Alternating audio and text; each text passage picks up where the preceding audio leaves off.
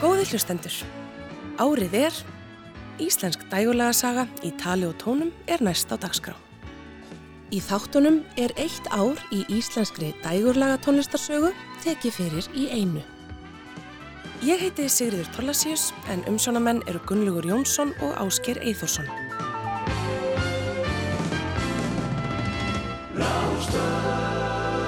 Árið er 1987.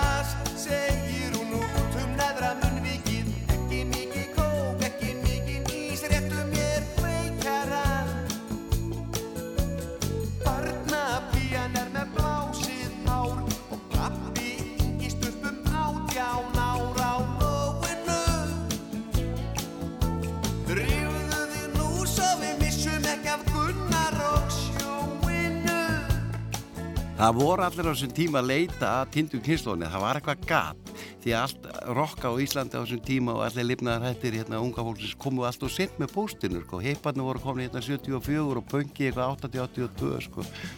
póstsamgönguna voru kannski ekki betri sko. ég veit það ekki það var allir að leita að einhverju nýju og leita að einhverju nýju og það var eh, sko, fara að leita að tindum kynnslóðinni sem sagt gömlu heipakynnslóðinni sko, hvar hún væri stödd og, og hérna, mér hægst þetta bara fyndið og, hérna, fólk að leita sjálfum sér það er nú bara kannski tilgangu lífis, ég veit það ekki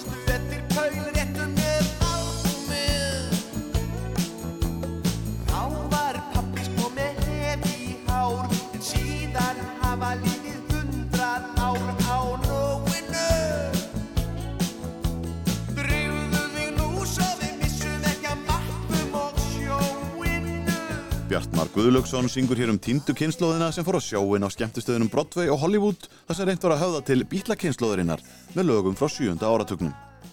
Bjartmar sló í gegna þessu lagi hvert talandi mannspartn á Íslandi kunni textan utanbókar eins og sagði í auglýsingu frá útgefundanum og platan í fylgd með fullornum seldist gríðarlega vel. Friðrik Karlsson og Gunnlaugur Brím stjórnuð upptökum á plötunni og um hljóðarleik sáu allir meðlimir Mezzoforte.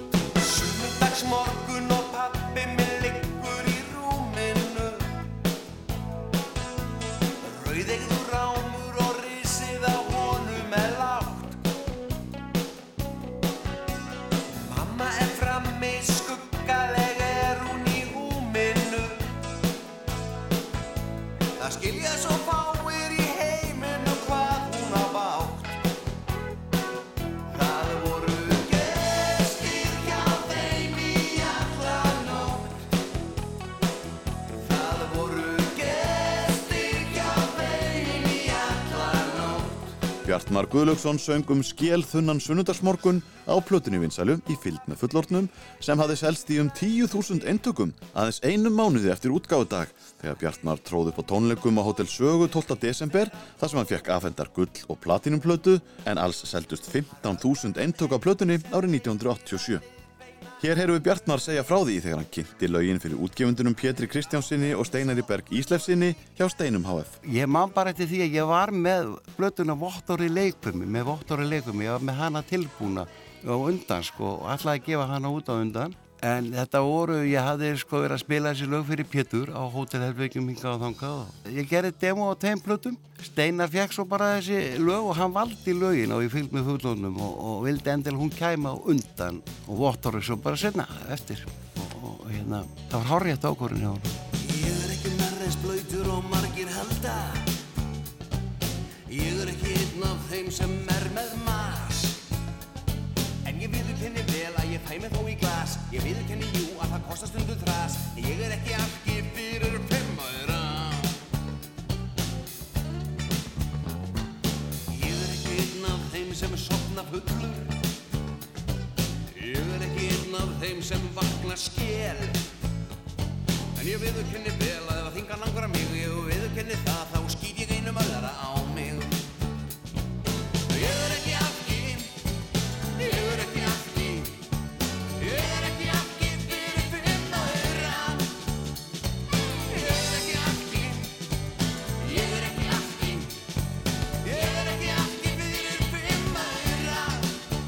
Árið er 1987.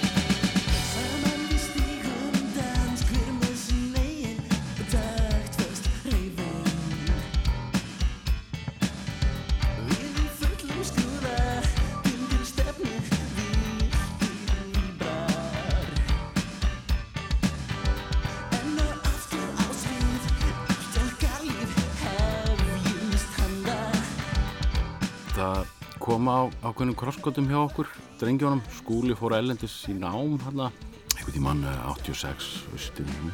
Og það var svona upplösnar ástand. Þorvaldur var mjög upptekinn í sínu námi, var að klára tónlistaskólan og ég var verið svona semja sko, mikið. Og, og það var svona regla, óskrifu regla í, í hljómsettinni að menn mátti ekki koma með full kláru lög. Þannig að maður átti hans mikið til og kannski ekki endilega Pax Vobis rétt í kanallin fyrir það efni en þannig kom þetta nú eiginlega til og þetta var sérstaklega ákveðu uppgjör hérna á þessum tíma og ég man að það stóð til að ég yrði líka í Totmobil hérna, við höfum verið að vinna demo fyrir bæði Totmobil og svo vorum við Þorvaldur að starfa saman undir nafninu Þorgir en allavega þá þá verður svona Paxið átti svona var eiginlega tilbúið með plötu svona efni á aðra plötu. Þannig að það, það svona varð úr að hann stopnaði Totmobil og ég eiginlega svona beilaði út úr því og ákveða að fara þessa leið og fæ samning hjá skífinu sem að eiginlega riði svolítið úrslit. Ég var komið plötusamning og hafði svona aðeins verið að sjoppa með þetta efni og, hérna, og þessi platta verður svona til í kjölfarið sko. Ásker Sæmundsson reyfið upp tildrögin að fyrstu soloplötu sinni sem fekk nafnið Fýllin og við heyrum hér undir brot úr uppafslægi plötunar Hasarinn. Mig langaði alltaf að gera meira pop. Það er, þú veist, ég er, ég er mikill svona melodíu kall og mér finnst gaman að, að, að þessum einfallleika og mér finnst hann alltaf mjög svona heitlandi ef hann, er- ef hann er gerður vel og, og virkar. Og það sem að rauninni ég legg út upp með þarna er svona að fara bara að gera pop en samt svona reyna að vera inventífur og progressífur og skapandi en samt að að svona að aðeins að einfalda hluti. Svona þá, þá er ég að tala um svona svolítið í rithma og formum og svona og það var svona upplæðið með þessu og náttúrulega íslenski textar sem var náttúrulega nýtt fyrir mér. Ég hafði verið með ennska texta áður og hérna, mér langaði svolítið svona að stíða þetta skref og, og mér fannst svona, já, mér langaði svona bara að, að ná betur eirum fólksins. Og mér fannst svona paksið einhvern veginn þó að það hefði verið mjög skemmtilegt og, og svona þá, þá kannski voru við svona underground, má segja. Við vorum bara, við vorum indie band og við svona, við vorum, vorum í rauninni aldrei neitt rosalega vinsælir þó við höfum svona notið ykkur að virðingar innan bransans og svona. Hann kallaði sig Geira Sæm og komu félagar hans úr Pax Vopis, Þorvaldur Bjarni og Skúli Sverrisson við sögu á plötunni. Auk þeirra eru trómuleikarinn Þorstein Gunnarsson og gítarleikarinn Kristján Edelstein í stóru hlutverki. Lægið um rauða bílinn sló í gegn og Geiri Sæm var orðin stort nafn í íslenska tónlistarlífinu. skot í aftur sæti full af hýta þungi spennu þau vildu reyna það. Í fyrsta í aftur sæti rauða bílsins. Eitt lítill bíltúr,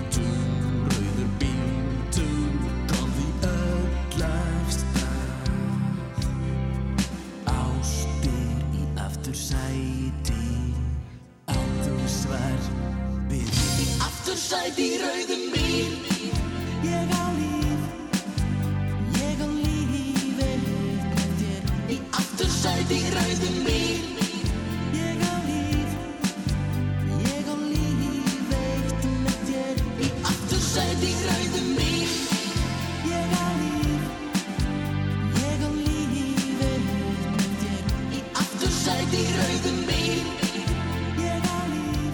Það verður til í Pax Vopis, það lag og uppalega tóku það inn í rockarni get ekki þagnað og ég ákvað að taka á svona viðkvæmu efni, svona gera í textum fóstureyðingu sem ég held að það hefur kannski verið aldrei miskilið á þessum tíma. Ég held að það hef enginn skrifað um það áður í íslensku poplagi. En svona þetta gekk upp og virkaði. Skemmtilegt lag.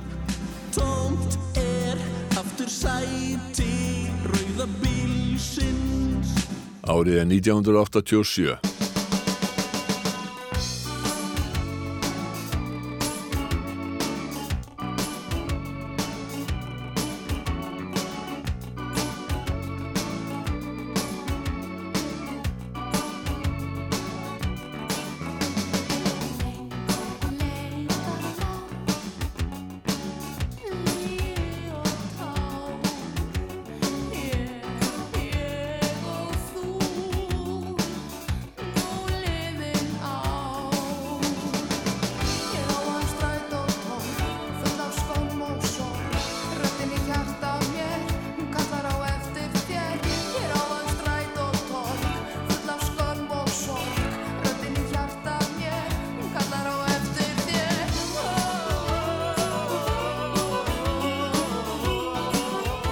Grafík hefur tekið stakkaskiptum.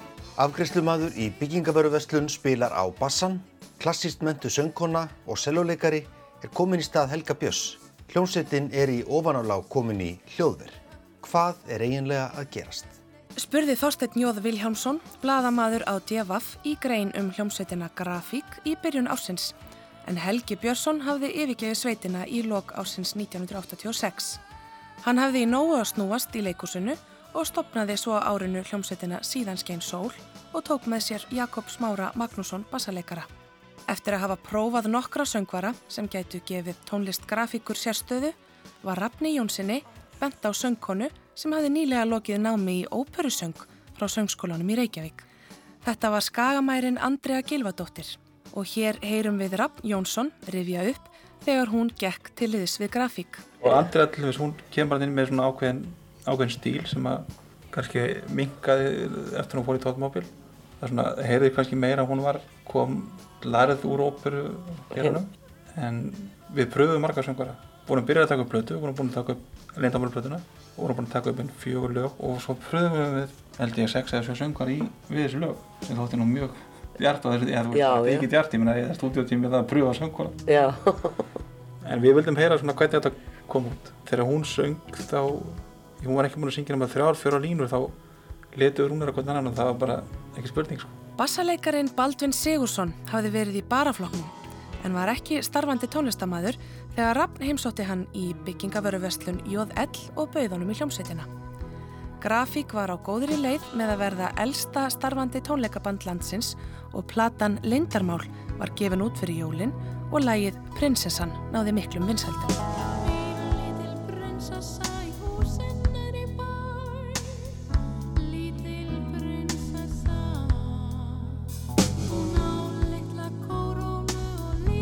Það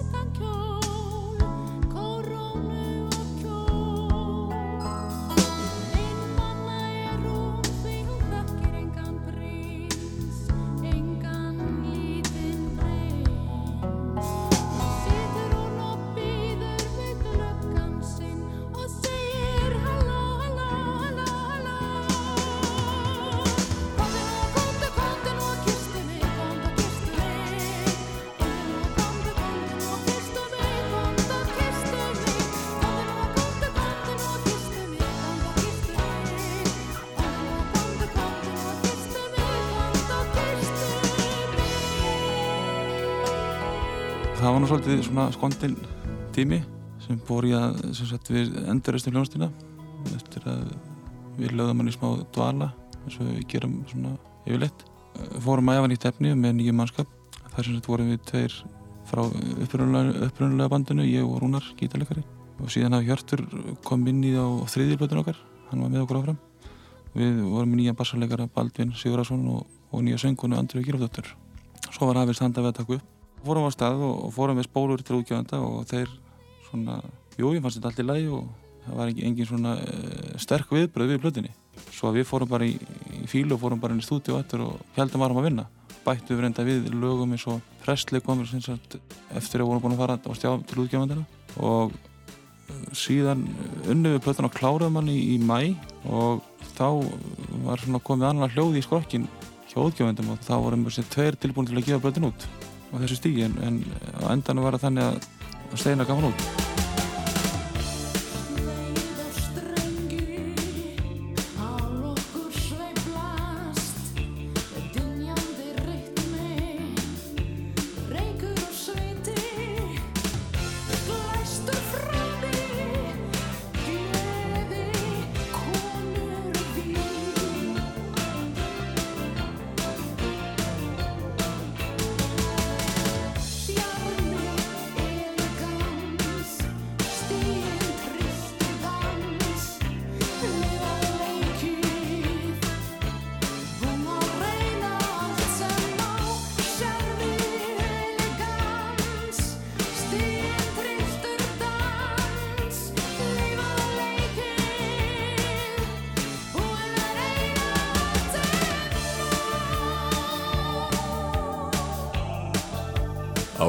1987.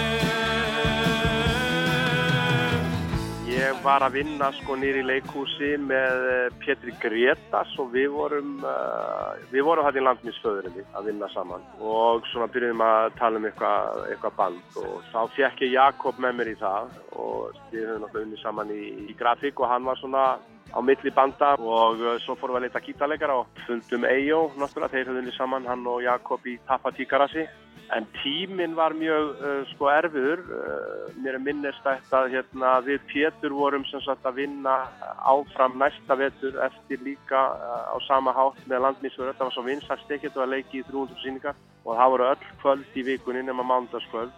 Og þeir voru að vinna dagvinnustrákarnir, þannig að eini æfingatíminn sem við gáttum fundið sameiglega var á sunnudagsmorgun klukkan 11 á messutíma en áhugin var það mikill að, að við unnum þannig uh, allan veturinn. Helgi Björnsson sagði frá upphafinu hjá hljómsveitinni síðan Skein Sól sem var til vorið 1987. Sveitin sendi aðeins á sér eitt lag á árinu, Skemmtileg nótt, sem kom út á saplutunni Vímulegs æska. Árið er 1987. Þegar söngvakeppni sjónvarsins var í undirbúningi fyrir árið 1987 var ákveðið að fara aðra leið en árið áður þegar sama hljómsveitin leik öll lögin í útsetningu hljómsveitastjórans. Að þessu sinni var ákveðið að leifa hverjum og einum höfundi að útfæra sitt framlag og ákveða hvaða flytjendur önnuðust flutningin. Úrslitakeppnin var haldinn í sjónvarpsal 23. mars og var Kolbrún Halldórsdóttir kynir. Eitt af þeim lögum sem komust í úslitakeppnina var Hægt og hljótt eftir Valgeir Guðjónsson og hann fekk óþekta unga söngkonu, Höllu Margreti Átnandóttur, til að syngja lægið. Halla Margret sagði í viðtali við D.A.V. Ég veit ekki hvernig ósköpunum ég dætt inn í þessa keppni. Ég hefði aldrei hitt Valgeir þegar hann ringdi mig og bað mig að syngja lægið. Þetta er indislegt lag. Halla lagði stund á klassískan söng í söngskóla Reykjavíkur og vann á daginn á skrifstofu hjá vöru bílstjórafélaginu Þrótti. Valið á sigurlæginu var í höndum domnemda í öllum kjördæmunum átta. Eftir að tölur höfðu byrst í þremur kjördæmum voru lögin hægt og hljótt og lífiði lag með hljónstinni Mótel, jöfn að stigum, en smám saman tók hægt og hljótt fóristuna og sigraði að lokum með 14 stigamun, hlaut 88 stig en lífiði lag 74 stig.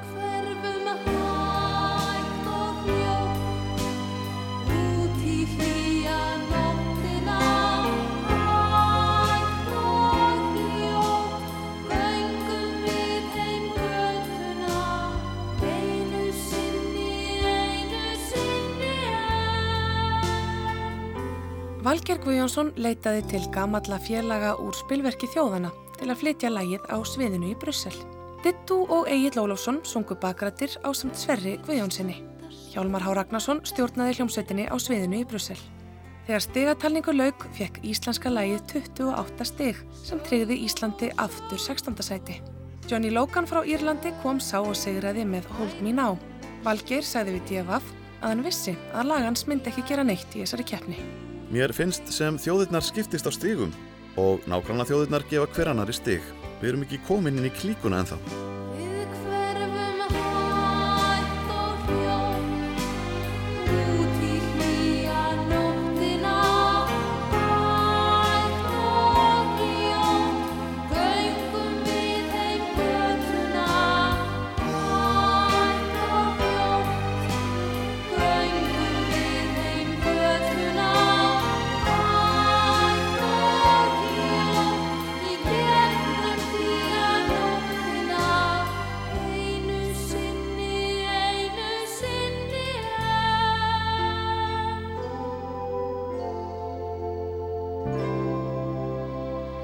Árið er 1987.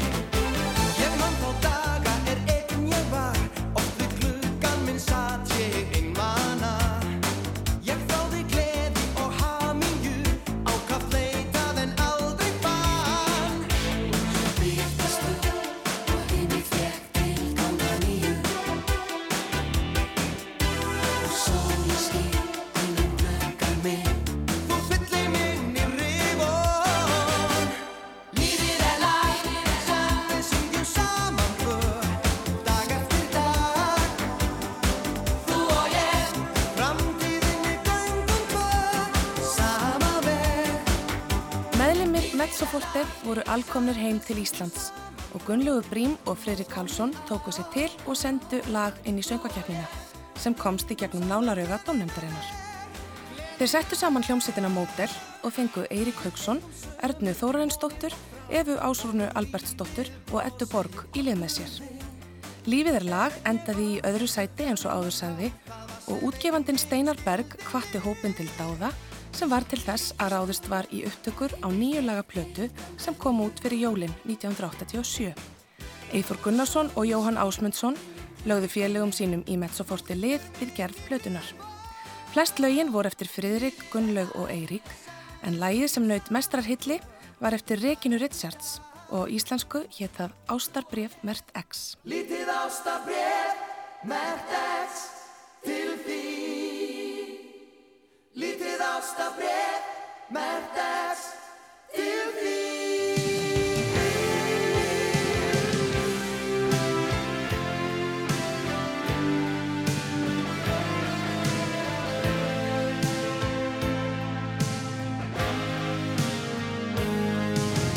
Árið er 1987.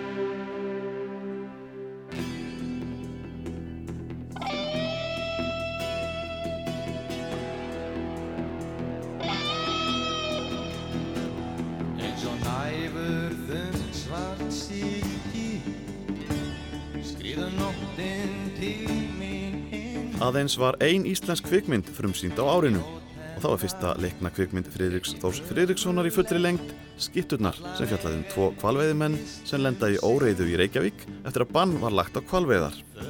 Bubi Mortens samti titilega myndarinnar sérstaklega beðni Friðriks Þórs leikstjóra og hann sagði Ólaður Póli Gunnarsinni frá læginu í þættinum Bubi segi sögur á Rás 2 árið 1999. Það er flott lag, flottu texti, flott lag.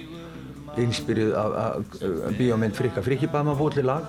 Ég horfði á gróklifta myndina og gerði lagið, gerði lagið hérna uh, út úr því sko. Þetta er, það, er- það, skittan, lagið og textin er alveg samofinn bíómyndinni. Þetta er, það er, þetta er, hvert orð einhvern veginn kemur úr bíómyndinni. Þarna er einhver náungi haldinn mikill paranæju og feigðar og einhvers konar feigðagrunn sko og ég var, ég var alltaf mjög ánægð með þetta lag. Og þetta lag hefur elst alveg ótrúlega vel alveg ótrúlega vel. Og þarna fer Þorstein Magnússon alveg á kostum á gítarinn. Gerir þetta mjög vel. Hans er sátt saknað í tónlistafrásan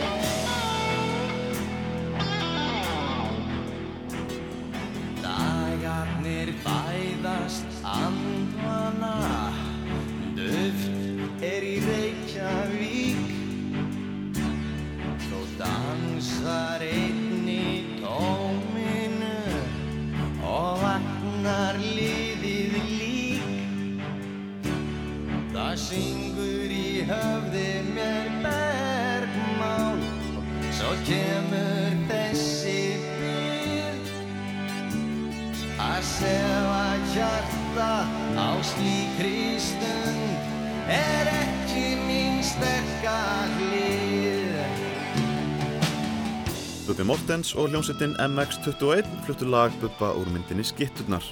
Hljómsveitin MX21 starfaði út sumarið og voru síðustu tónleikarsveitarinnar á Húsafellsháttíðinni um Vestlunumanna helgina.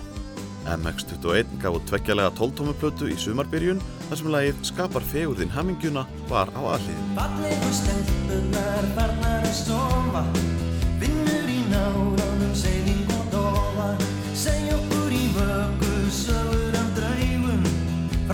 Frá systrum sínum, bílum og taugum. Skapar fegurðin hamingjuna Skapar fegurðin hamingjuna Skapar fegurðin hamingjuna Skapar fegurðin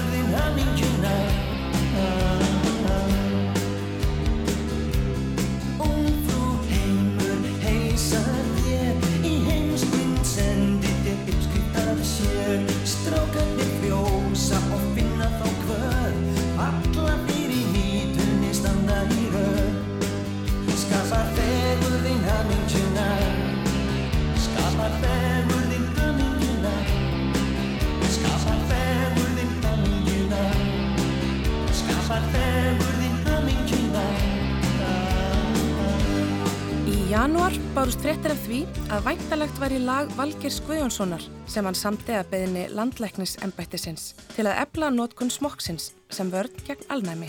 Læginu var ætlað að vera hluti átaks í þessum efnum og það voru einnig útbúnar auglýsingar með 102 þekktum andlitum sem voru fenginn til að pósa með smokk og vakti átakið mikla aðtikli þetta árið. Lægið Vopn og verjur var flutt af Varnöglunum með Ragnhildi Gísladóttur og Bubba Mortens fremst í flokki.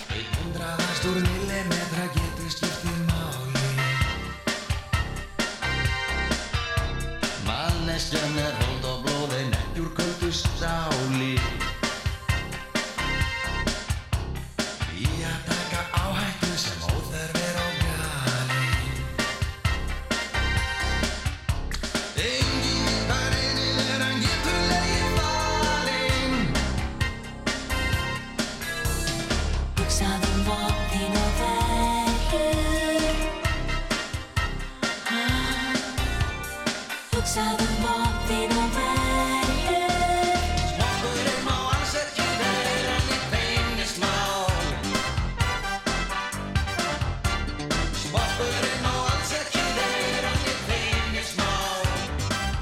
1987. I didn't wanna get personal.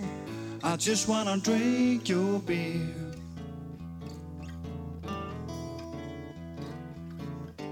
I didn't wanna get personal.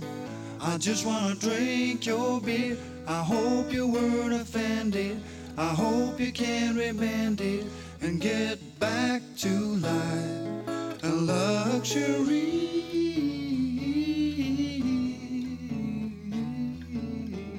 Kristján Kristjánsson, betur þekktur sem KK, starfaði þessum árum sem böskari á Norðurlöndunum og 1987 gaf hann út kassettu þar sem hann nefndi sig KK Son.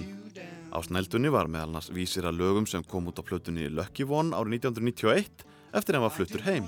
En hvað kom til að hann fór í hljóðverð 1987? Já, ég fór fyrsta ári sko, þá var, svona, þá var ég svona treini að læra þetta og kynntist fullt af böskarum. Byrjaði í Kaupmannhafnum sömarið hitti þá böskara sem hafði unnið þetta í mörg ára og þeir sögum að það er mjög gott og mikið um að vera upp í Oslo, kom þangað. Ég fór upp í Oslo og þá var heilt samfélag böskara þar sem byggu ákveðinu svæðum og tjöldu og byggu húsbílum og allavega og þeir voru sömur hverjir með, með kassittur og vínilplötur sem þeir seldu á guttinu líka með lögin sem voru að spila. Svo ég fórum þá heim um veturinn, sko, ég bjóð þá í Lundi í Svítjóð, árið síðar, ég var úti að flækast í eitt ár og, og þá tók ég upp, komst ég í stúdíu og það var maður sem að rakk fólk og rock, sem það heitir, sem var svona eins og smekkleisa. Hann, hann fekk svona áhuga fyrir mér og, og bauð mér í stúdíu og ég fór í stúdíu og tók upp einhver demo, sko, sem ég svo setti bara á kassetu og og eitthvað af lögum er svona undanfari laga svona demo af lögum svo, svo setna komu og einu af þessum blötu Þar kallar Kákosson Já, maður þannig að hafa eitthvað artistnafni Kristján Kristjánsson út á götu. I hope you can remend it and get back to life and luxury.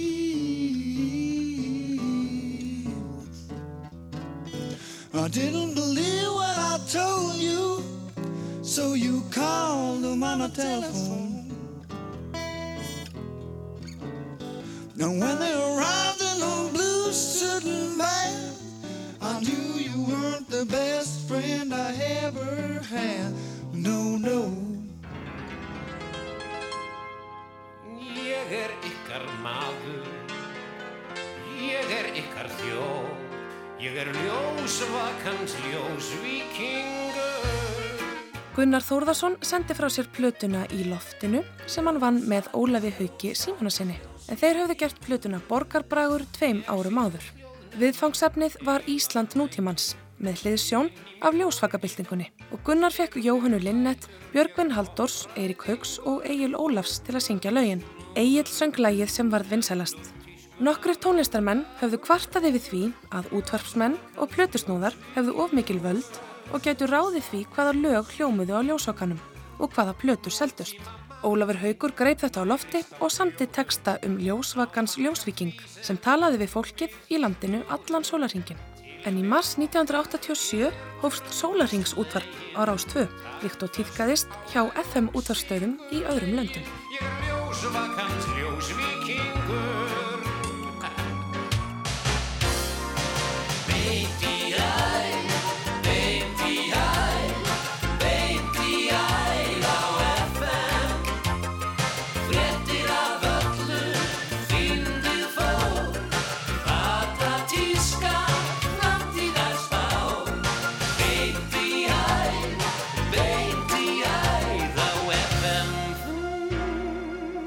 Ný útvarpstöð, stjarnan FM 102.2, fór í loftið í byrjun júni. Fyrirtækið hljóðvarp stóðastöðinni og meðal eiganda voru Ólafur Löfdal, Þorgeir Ástvaldsson fyrir um yfirmaður Rásar 2, Jón Axel Ólafsson sem kom frá Bylgjunni og Gunnlaugur Helgason sem kom frá Rás 2. Þorgeir sagði við Devaf að hann hefði sett sem skilirði að hann yrði ekki útvarstjóri á nýju stöðinni. Þeim kapla væri lokið í lífi sínu. Síðar um sömarið var Ólafur Hugson, ráðinn útvarstjóri og Björgvin Haldursson, dagskrár og kynningarstjóri stjórnunar. Um haustið var stopnuð dægurmáladeild Rásar 2 sem Stefán Jón Hafstein veitti fórstuðu og þá var sett svo lína sem hefur haldist til dagsins í dag, dægurmála þáttur snemma á mornana og aftur síðdeis. Rás 1 fluttist í núverandi húsnæði í efstaleiti 1 árið 1987 en Rás 2 hafði verið það til húsa frá upphafi. Sjónvarpi fluttist þangaða fullu árið 2000. Árið er 1987. Við erum sykumólarnir En hvernig væri að Takk í takt og drega?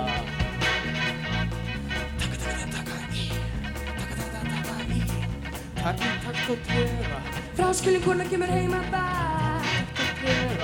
Gett, gett, gett, kom, sé, sé það. Það nakkin maður í íbúðinu minni skrítur og svitin þar sem mann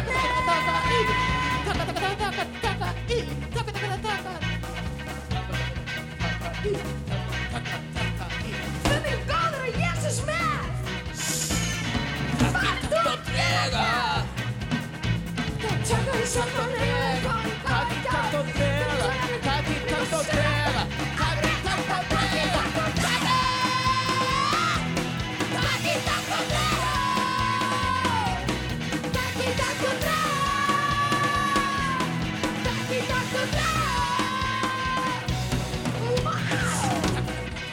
Við erum að hlusta á Sigurmálun að spila í beinni útsendingu á Rás 2 í kjallara Ríkisútasins 21. ágúst 1987. Hljómsveitin Sigurmálarni var stopnuð 1986. Sveitin samti við nýstopnað óháð ennst útgáfufyrirtæki One Little Indian sem vinnur þeirra, Derek Burkett, stýrði og mikil vinna var lögði að full klára lögin á fyrstu breyðskjúsveitarinnar 1987. Platan kom þó ekki út fyrir en ári síðar en sveitin var duglega að koma fram á tónleikum og í ágúst bárust liðsmönnum þau tíðindi að smáskífaði lagið Birthday, ennsku útgáfun af Amali, hefði verið valinn smáskífa vikunar hjá henni virta breska tónlistatímariti Melody Maker.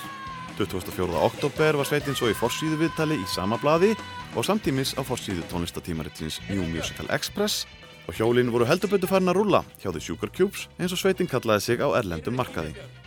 Einar Örn og Þór Eldón tjáði sig um sín viðbröðið þessum fréttum í viðtali við skúla Helgason á Rástfö árið 1989. Það var sagt sér sett að, að platan hefði verið valið má- smáskífa vikunar og síðan var sagt að einar vissur það að þið þurfa að fara út að taka forsýðu viðtal við Melody Maker og þá hugsaði ég bara óskítur maður, nú er þetta verða alvarlegt. Að vera fá þarna sem sagt valið smáskíða vikunar var fyrir okkur meiri háttar sigur vegna þess að við vorum, sko það var akkurat rétt í tíminn fyrir okkur að fá, fá þetta vegna þess að við vorum þannig séð á leiðin út til að spila og þetta gæti ekki verið á, á betri tíma.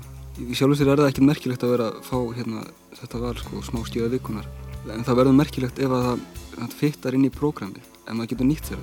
Fullt af böndum fá þessa útnefningu og, og það gerist ekkert og það er bara því að þau ger ekki neitt sjálf.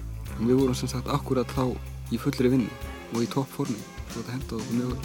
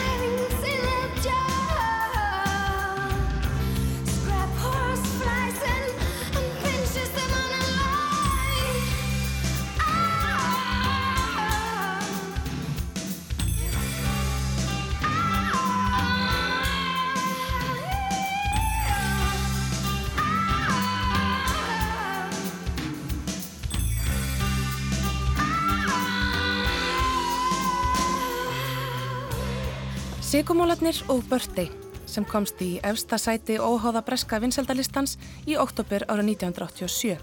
En hæst náði lægið í 47. sæti á breska smáskjöfulistanum. Og einni má geta þess að hinn virti útvarsmaður John Peel útnemdi Birthday lag ársins 1987 og þótti það mikill heiður. Undir lok ársins var tilbóðum farða að rigna yfir hljómsveitina frá stórum plötuútgáðum og Sigurmólarnir heldu kynningartónleika á skemmtistanum Casablanca fyrir tónlistarbladamenn og plötuútgefundur. En þrátt fyrir fjölmörg gillibóð ákvað sveitin að standa við samningsinn við hið nýstopnaða plötuútgáðu fyrirtæki One Little Indian. Já, þú getur rétt ímyndaði hvað er freistandi að taka svona tilbúðum. Það sem að mann er búið sko, peningar sem að eru fyrir manni ja, óþekktar stærðir, sko, maður veit ekki hvað maður getur gert þessum pening.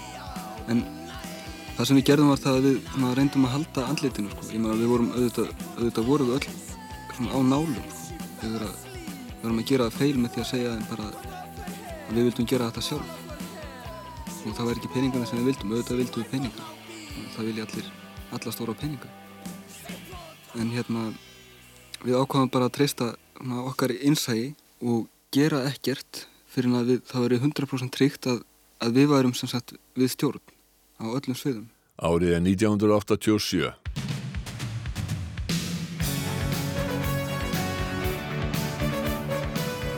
Hljómsveitin Europe hjælt tónleika í lögardarshöll í byrjun júli. Hljómsveitin hafði slegið í gegn með læginu Final Countdown árið áður og var mikil stemming fyrir tónleikunum. Höllin var endast neysa full en alls sóttu 6.000 áhörundur tónleikana. Þjóðvilin spurði á fossíðu daginn eftir tónleikana hvort bítlaæði væri loksins komið á Íslandi.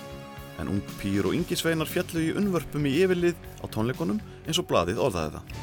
Önnur vinsæl hljómsveit, í norska AHA, kom einni í heimsótt til landsins á hátindi fræðarsinnar, aðeins tveimur vikum á eftir Europe. AHA hafði nýverið samið James Bond-lægið Living Daylights og um 5.000 áhörundur voru mættir í höllina til að berja Morten Harket og félaga augum. Umbóðsfyrirtækið Split HF flutti Europe og AHA til landsins en að því stóðu breytarnir Tony Sandy og Bobby Harrison. Tony hafði flust til landsins með íslenskri konu sinni og opnað hárgröslustofuna Smart 1984 og Bobby Harrison sem landi húðir með Procol Harum árið 1967 fluttist til landsins 1985. Bobby reyndi fyrir sér sem söngvari hér á landi og skemmti mikið á barnum Skálafelli á Hotel Esju. Fyrir Bobby og Tony stóðu einni að komu Meat Loaf sem hjælt tónleika í reyðhöllinni í Víðidal um haustið. 5.000 áhorfendur sóttu tónleikana en mikil ölfun tónleikagesta var blaðaefni næstu daga á eftir. Reyðhöllin var við formlega um sumarið og þráttur í annmarka á fyrstu tónleikunum hjælt hljómsveitin Cock Robin tónleika í november og eftir reynsluna á Meatloaf tónleikunum voru þeir haldnir á sundags eftirmiðdegi og byrjuðu klukkan fjögur. Hvort það hafi verið ástæðan fyrir slagri mætingu vitum við ekki en aðeins mættu um þúsund manns á tónleikana.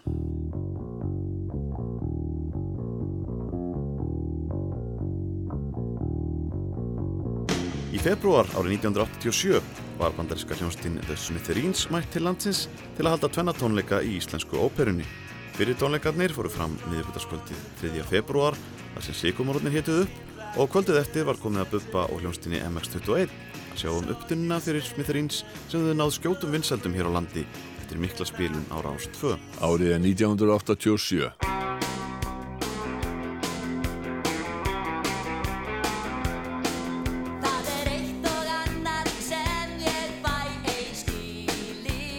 Bítlavinnafélagið var afkasta mikið í sveitaballabransanum þetta árið og sveitin kynnti sex lög sem gefum við út í byrjun sumars á plötunni Bítlavinnafélagið býr til stemmingu.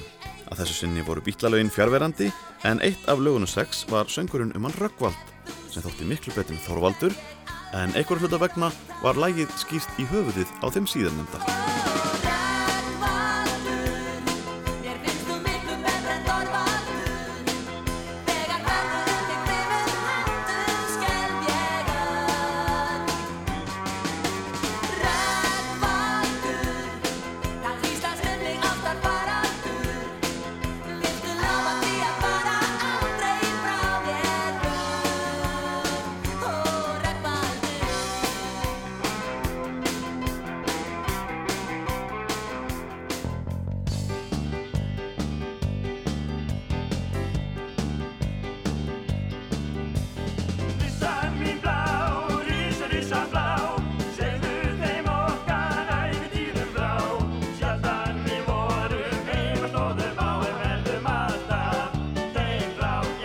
Önnur hljómsveit sem lagði allt undir sumari 1987 var Norðansveitin Skriðjöklar sem gáðu tveggjalega plötu í tilefni að landsmóti ungmennafélagana þar sem lögin á landsmóti og Mamma tekur slátur vöktu gleði íþróttafólks og annara.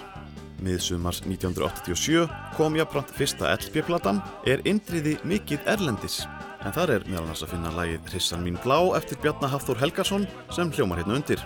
Tóku þeir félagar við gullplötu viðkenningum á útgáðu deginum því meðlemum skriðjökla þótti einsýnt að platan seldist snarlega í 5.000 eintökum. Þeir heldu útitónleika við útashúsið í hádeginu 17. júli sem var útvarpa beint. Tekstarnir þóttu ekki að fyndnir og fyrir og platan allir vonbriðum en það voru talsverða væntingar gerðar til þessara glaðbeittu norðanmanna. Árið er 1987. Vaknar allt á vorin, vermir sóli landi Grænum laufum vorin, brotið veðrað bandi Blíðu syngur blærin, brosi gulli sóli Vaknar aftur bærin, börnin vandar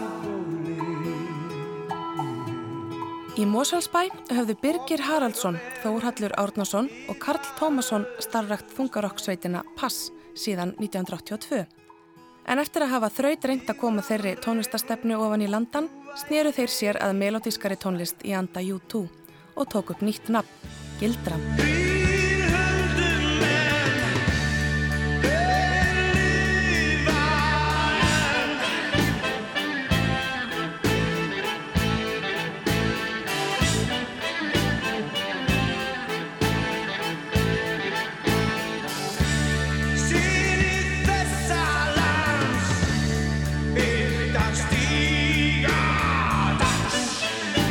Í byrjun sumars 1987 sendi sveitin frá sér plötuna Huldumenn og hljómsveitarmeðlimir voru í viðtali við þjóðviljan í tilefni af útkomu hennar.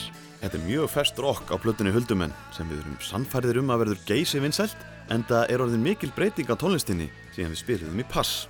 Þá vorum við í þungarokkinu en erum orðin ferlega léttir og skemmtilegir en samt rockaðir ennþá. Mærin varð vinsalasta lægið á plötunni og það dúkkaði upp á vinsaldarlista Rásar 2 í júlimánuði 1987.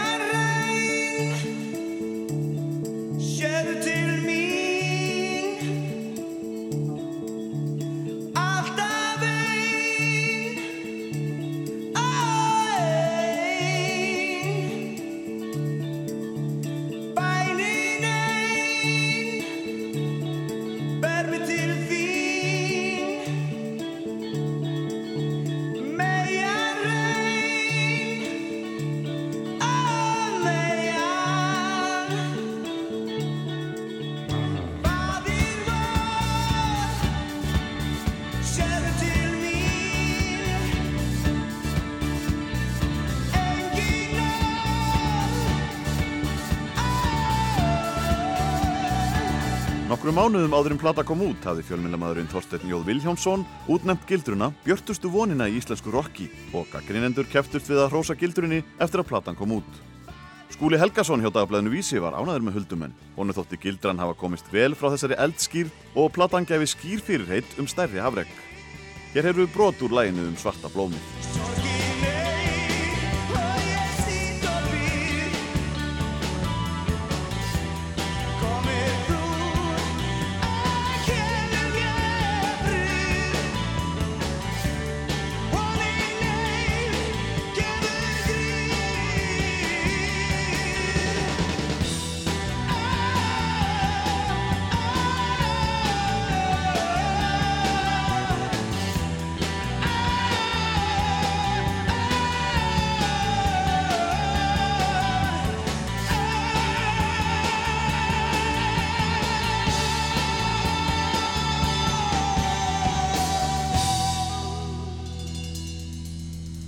árið 1987.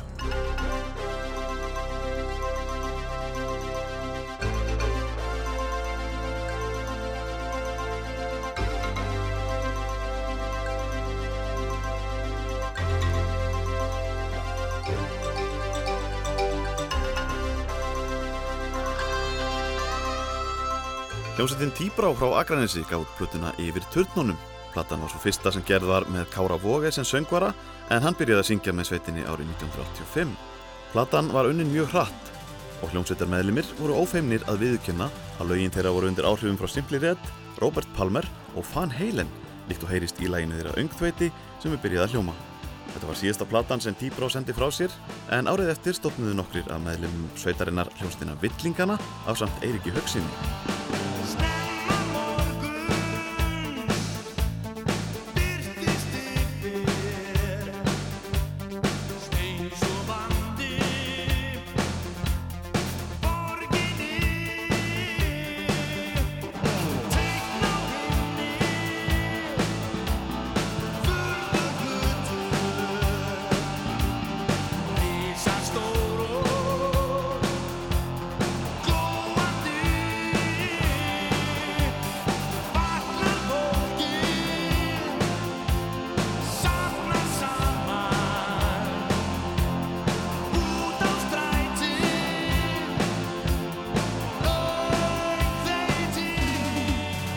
Árið er 1987.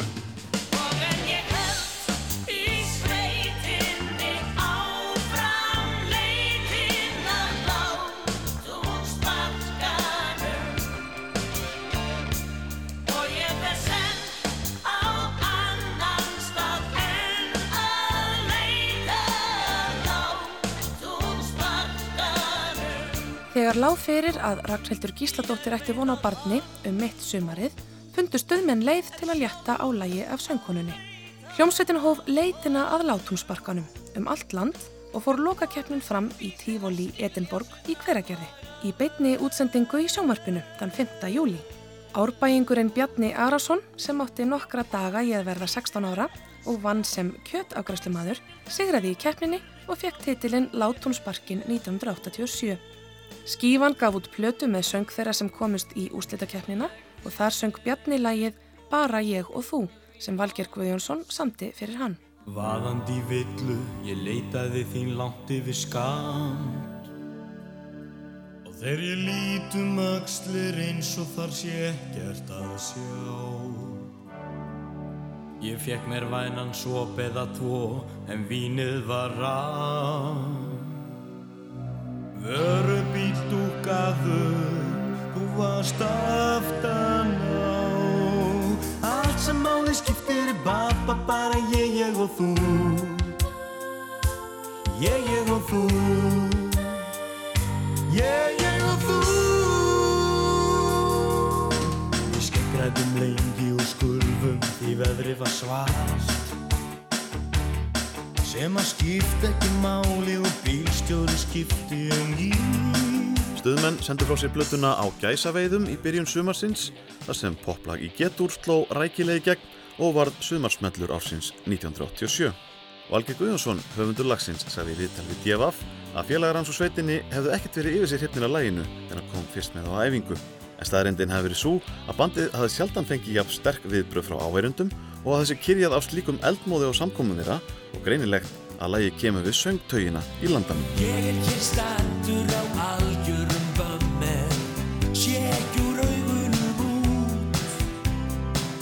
Allt verið steik þegar þú ert ekki með mér? Leipur í kekki og hnút. Og svo þegar þú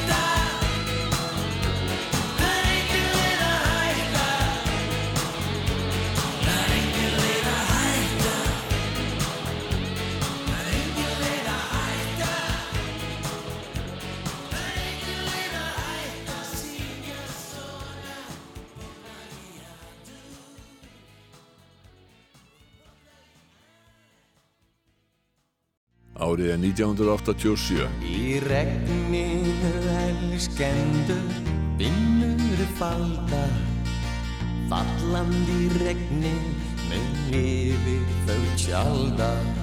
Sjöttun þau týtra, sjöttun þau loga Sjöttun sér fórnundi, silfruðum boga Sala á plötunni Frelsi til sölu var slík að Bubbi Mortens ákvaða að gefa sér góðan tíma til að íhuga efni í næstu plötu sem fekk nafnið Dögun. Hann byrjaði að semja lög og texta í mæ og þegar kom fram í ágúst var hann búin að semja nýju lög og texta sem hann var ánaður með. Silja Adalsteinsdóttir og Megas lásu alla textana yfir áður en þeir þóttu gjaldgengir á plötuna. Tíunda lægið, Pikk fyrir geira, var engungu leikið. Tómas Tómasson, bassaleikari, stjórnaði upptökuvinnunni og kom platan út 19. november. Bubbi hjælt tvenna útgáfutónleika í Íslensku óperunni og platan seldist í gríðarlegu magni á stuttum tíma eða 20.000 eintökum á 5 vikum. Laugin aldrei fór í söður og frelsarans slóð fengu mikla spilun í útvarpi. Aldrei fór ég söður.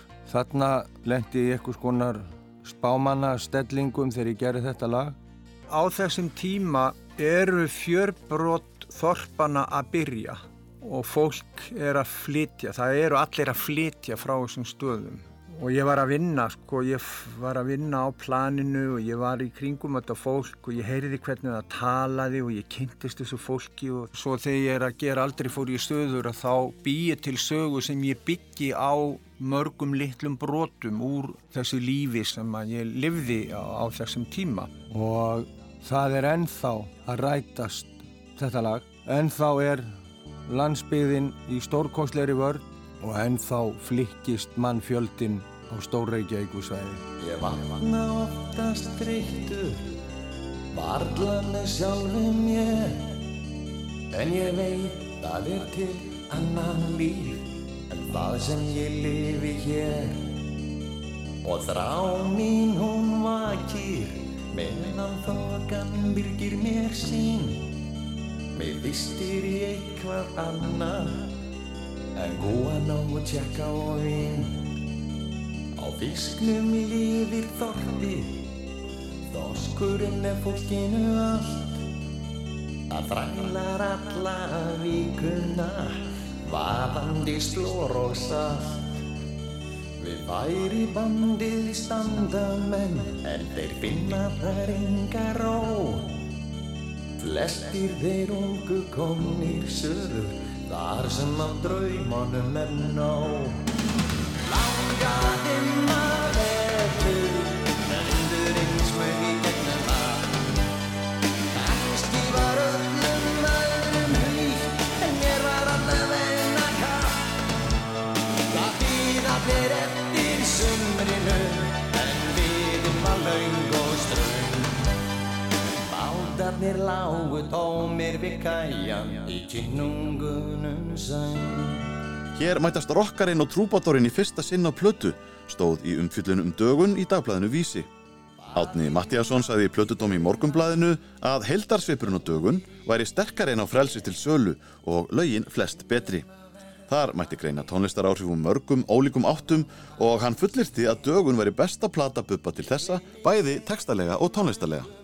Ævar Örn Jósefsson hjá Þjóðviljanum skrifaði að Bubba hefði tekist ágætlega kvívetna að búa til plötu með þjóðlegum blæ og það sem gerði útslægið væri ótrúleg framför í textagerð. Eina breytingin sem er hægt að finna á dögun frá öðrum plötum mínum er svo að það er ljósara stökk í textagerð. Textarnir eru miklu vandaðri og betur smíðaðir en áður. Músiklega þá er margt vel gert á dögun. Ég er ánægð með aldrei fór í söður. Ég finnst það og fannst það tímabært lag og frelsar hans slóð. Sýndum er frelsið flógrandi af ást. Valið bak við rimlan hvar sálirnar þjást.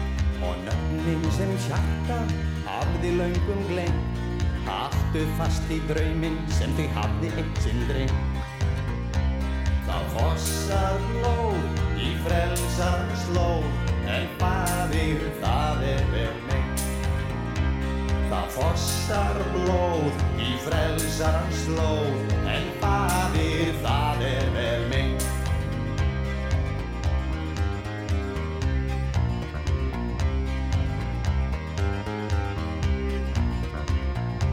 Í raun má segja að dögun sé tvískipt verk. Á fyrirliðinni má heyra rock tónlistamannin Bubba eða væri Edvin réttar að segja pop tónlistamannin. Á setni hliðinni er það svo trúbadorinn sem hefur yfirhundina. Stóð í umfyllunum plötuna í helgarpóstinum. Eins og áður hefur komið fram hitaði Bubbi upp fyrir Smithereens á tónleikum í íslensku óperunni í upphafi ásins og lag bandarísku sveitarinnar Behind the Wall of Sleep varð kveikjan að textalagsins bak við veggi martraðar á plötunni dögun en mörgum fannst lagið sjálft minna á ennsku hljónstina The Smiths. Ég vaknaði um óttu við uppvænan draug Óm af röddum heyrði ég berast Ég kafaði vökunnar kalda straum Og kallaði hvað er að gerast. Bak við veggi martraðar Myndin af þér lífið Margótt að ég gulli mitt? Reynd að komast yfir.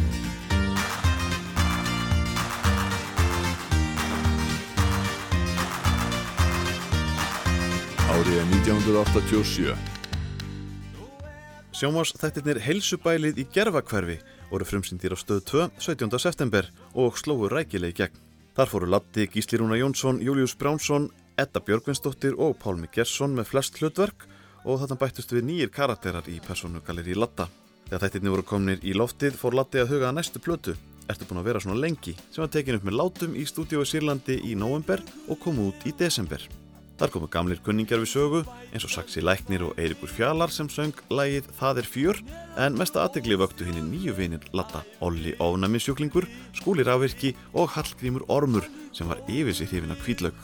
Þetta voru personur sem komu fyrir í sjónastáttunum Heilsubælið og eru fyrir löngu orðnir hluti af íslensku samfélagi. Hvítlökurinn rennur hvatlega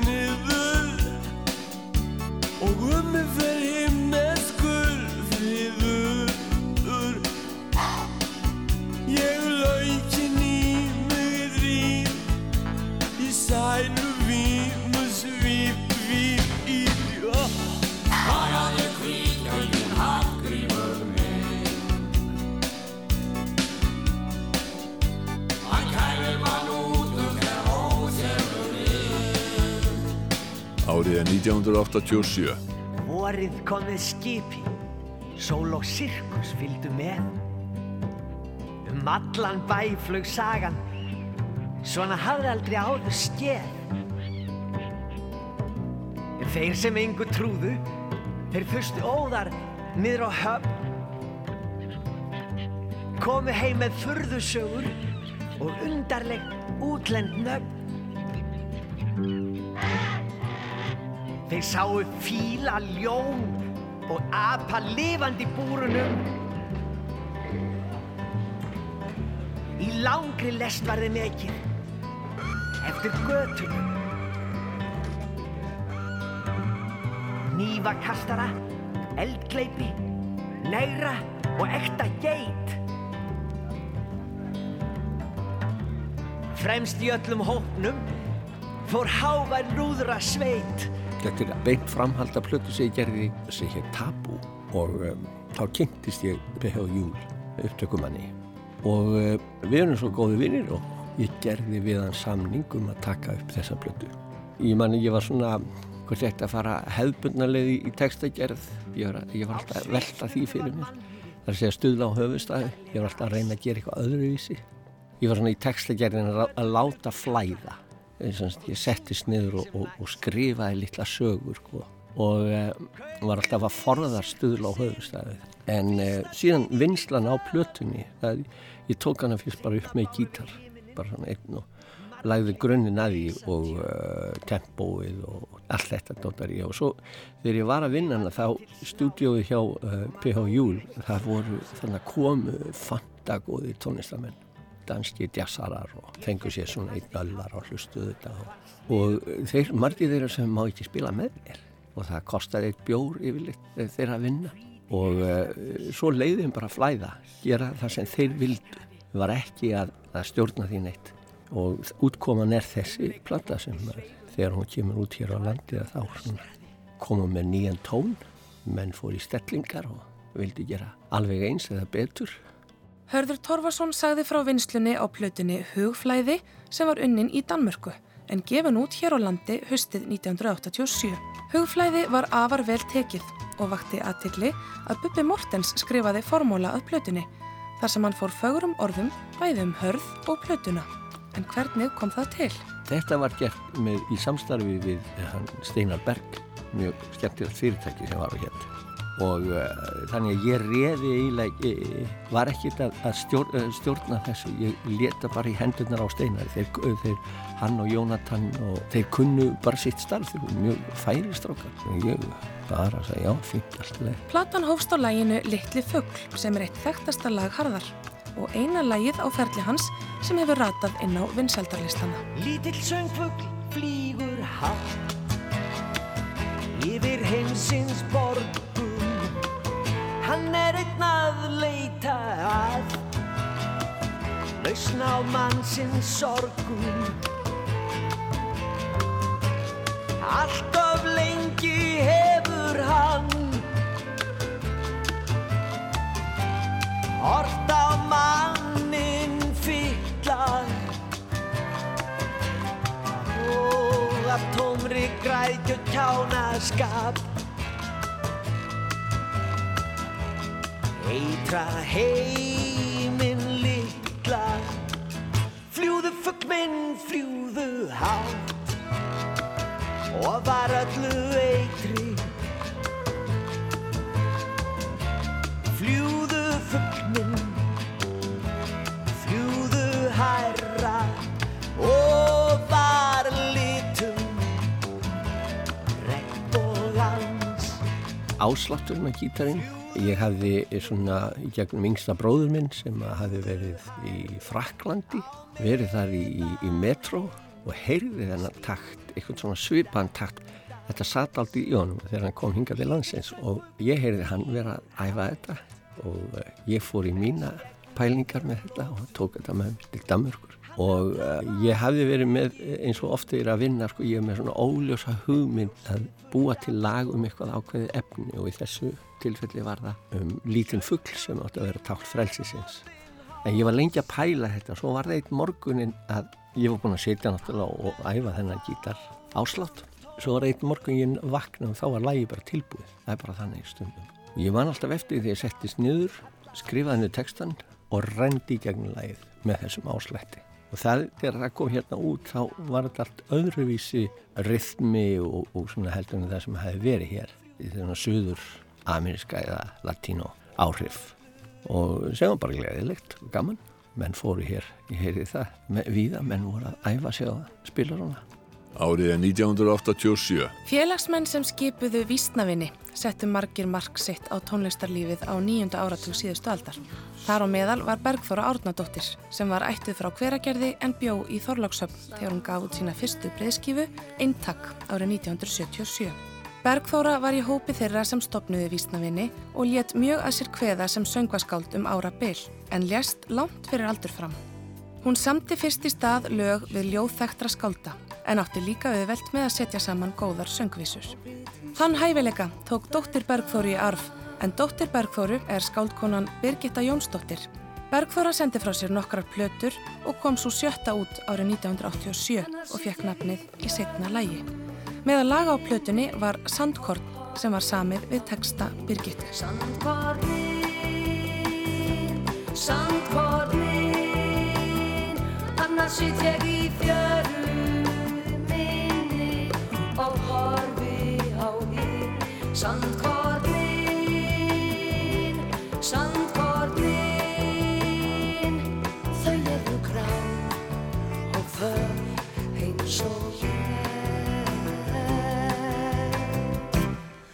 Eins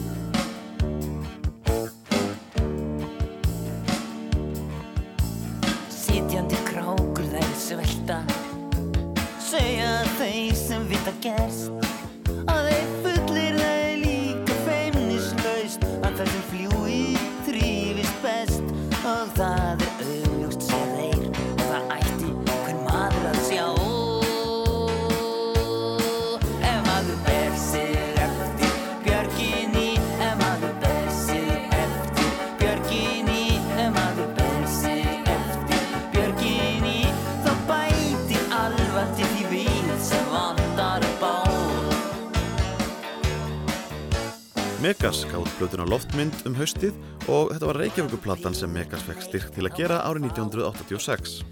Tekstarnir fjölluðu um einkennlegt mannlíf í skúmaskotum Reykjavíkur með það í huga að skapa konceptverk um skuggalega undirheima höfuborgarinnar.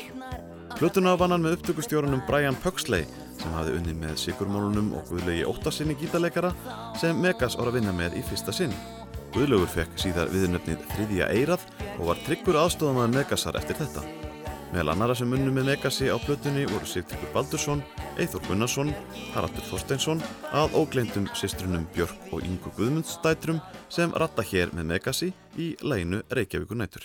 Þetta er nú eiginlega bara stráka endurminningasaga og hún hunsar tíma og, og, og fyrir ókronologist í gegnum þessi ár fram að tvítugu sem að bara í dag eru hvað mest ossos fyrir. Ég er bara lítill strákur og yfir holti og ég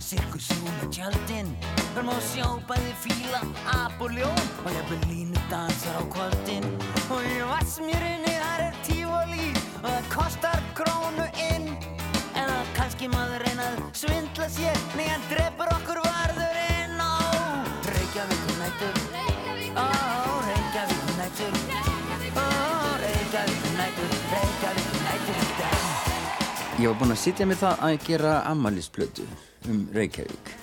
Hún varð síðbúinn. Ég tók þetta sem verkefni og ég ákvað fyrst titilinn á plötunni. Ég kefti mér kort, skal ég sér, ævaforn kort. og þetta voru svona loftmyndir Reykjavík og ég hugsa með mér þetta er náttúrulega pottjættu titill á ammælisplötu síðan hugsa ég með mér hvað á nú að fara á plötu sem er ammælisplata loftmyndar ammælisplata um Reykjavík, maður Reykjavík síðan bara kom upp í hugan hvað, hvaða hlutir það eru sem það þarf að, að fjalla um. Sko, ég ætla að taka fram hér á þessum punktir sem sagt að ég hef alla tíð frá því mann eftir mér verið afskaplega hallur undir allskinn skrýmsli ég hef haft mikla ást á skrýmslum og þegar ég kynntist Frankenstein skrýmslinu þá fannst mér eins og bara orðin fyllri maður einhvern veginn. Ég fannst að fyll upp í minn persónuleika að þekka Frankenstein skrýmsli síðan voru fleiri skrýmsli eins og Múmjan og Blobbið og fleira fleira og það má kannski segja sem svo að þar sé skýringin á því hvað ég hef mikla ást á þessari höfuborgminni Megas sagði frá Reykjavíkuplötunni Loftmynd sem fekk frábæra dóma í poppressunni og íslenskir plötugagrinendur útnefndur Loftmynd bestu plötu ásins í samantækt sem byrtist í dagblæðinu Vísi rétt fyrir áramótin. Sigurður Þór Salvarsson skrifaði í dagblæði Vísi að textar Megasa skipti miklu máli en það meira í þá lagt en hjá nokkrum öðrum tónlistamanni hérlendum. Og honum fannst létt yfir lögum plötunar þó margir textana hafi ekki gefið tilefni til gleðskapar. Ævar Örn Jósefsson var sérstaklega ánæður með bakrættarsýsturnar Björk og Ingu í plötudómi í þjóðvílanum. Röddun þeirra veri fyrirna skemmtileg og valla hefðan heyrt betur útfærðar bakrættir á íslenskri plötu nokkru sinni fyrr. Á plötunni söng Megas meðal annars um skúla fóketa og magister Lingdal og í læginu við Birkiland reysti hann reytuundur um Jóhannesi Birkiland minnisvarða. Afvatnun inn við sundin blá. Við vorum útveðan hálfu verri að skelltum okkur beint á krá. Já það var mörg ástíðin í æfiðin sem fór Í auðnu leysis ráð á afveðum slíkum. En hvað sem verður lítið, já, hvað sem verður stór Ég klæðist samt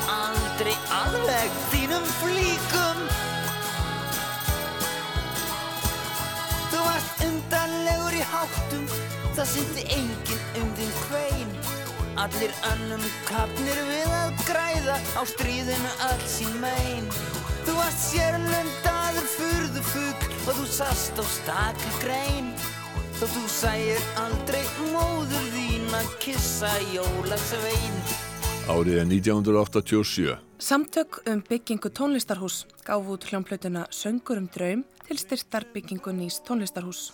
Platan innihjalt lagið Söngur um draum eftir Gunnar Þórðarsson við ljóð Kristjáns frá Djúbalæk. Söngvarar á plötunni eru Björgvin Haldursson, Egil Ólafsson, Eiríkur Haugsson og Jóhanna Linnett. Samtök um byggingu tónlistarhús voru stopnuð í oktober 1983 og í júni 1986 lauk samkeppni meðal arkitekta á Norðurlöndum um hönnun húsins. En fyrirhugað var að tónlistarhúsið myndi standa fyrir norðan Suðurlandsbraut skamt frá Vestlunarmiðstöðinni Glæsibæ.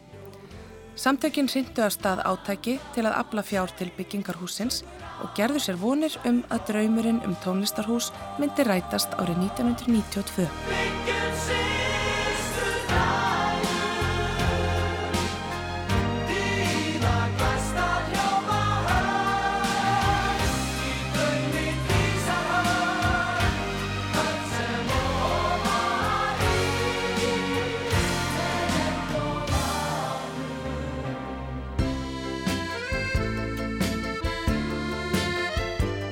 Þjóðatíðalagið árið 1987 var síðast dansinn eftir Kristinn Svavarsson, saxofónleikara Mezzoforte við texta Átna Jónsson. Hljómsveit Magnúsar Kjartanssonar, Björgun Halldórsson og Erna Gunnarsdóttir fluttu lagið og þau voru með latriða sem þjóðatíðinni eigum bauð upp á um Östlunarhelgina. Ásand Greifunum, Guðmundur Rúnar í Lúðvíksinni, H.L.H. flokknum og Jóhannesi Kristjánsinni eftirhermu. Fleiri háttíðir voru haldnar þessa Vestlunarhelgi Gaukurinn 87 var í Þjórsódal, Bindindisháttíðin í Galtalæk og Allavíkurháttíðin var á sínum stað en Ströymurinn var annars vegar til Eija og hins vegar í Húsafell þar sem Stuðmenn og Bubi Mortens og MX21 voru aðal númeri.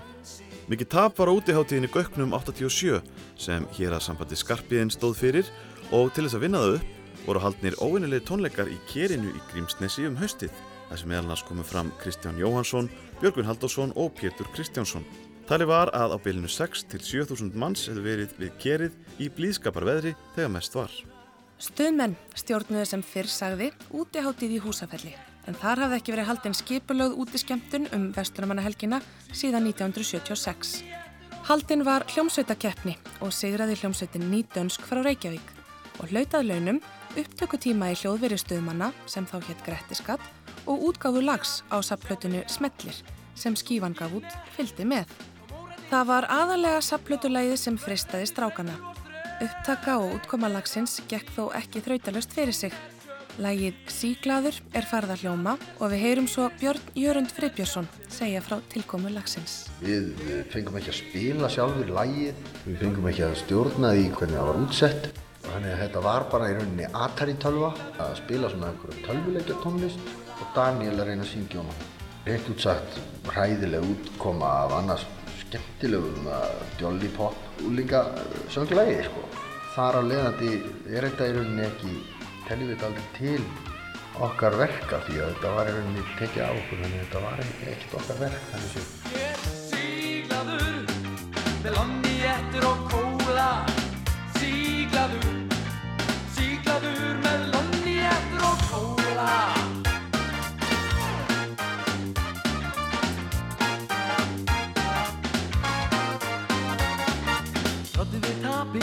og tópak í vör. Þið hvað aftekur að Ættum á sapið með sólu og sjö. Syngjandi hafni að bör En ekki er af sínist Sjónin er sögurík.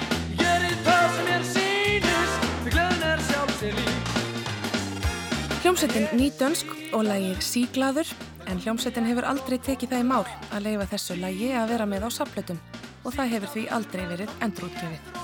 Upptökustjórin var Þorsteinn Jónsson sem var þekktastur fyrir að vera meðlimur í tölvupopsveitinni Sonus Future og er í dag hljóðsérfræðingur með aðsettur í New York. Lonni ettur og kóla Árið er 1987.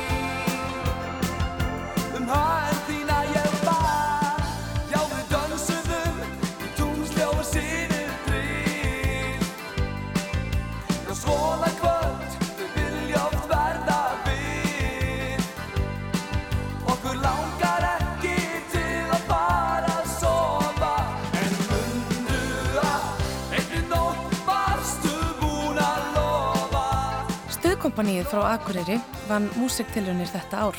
Metan frá Söðakróki var í öðru sæti og Kvass frá Stykkishólmi í því þriðja. Úrslitakvöldi var í Tónabæ og kynnar voru Pétur Steinn Guðmundsson og Ásker Tómasson. Á einu undan kvöldana vakti sérstaka aðtigli 15 ára gamall gítarleikari, Guðmundur Pétursson.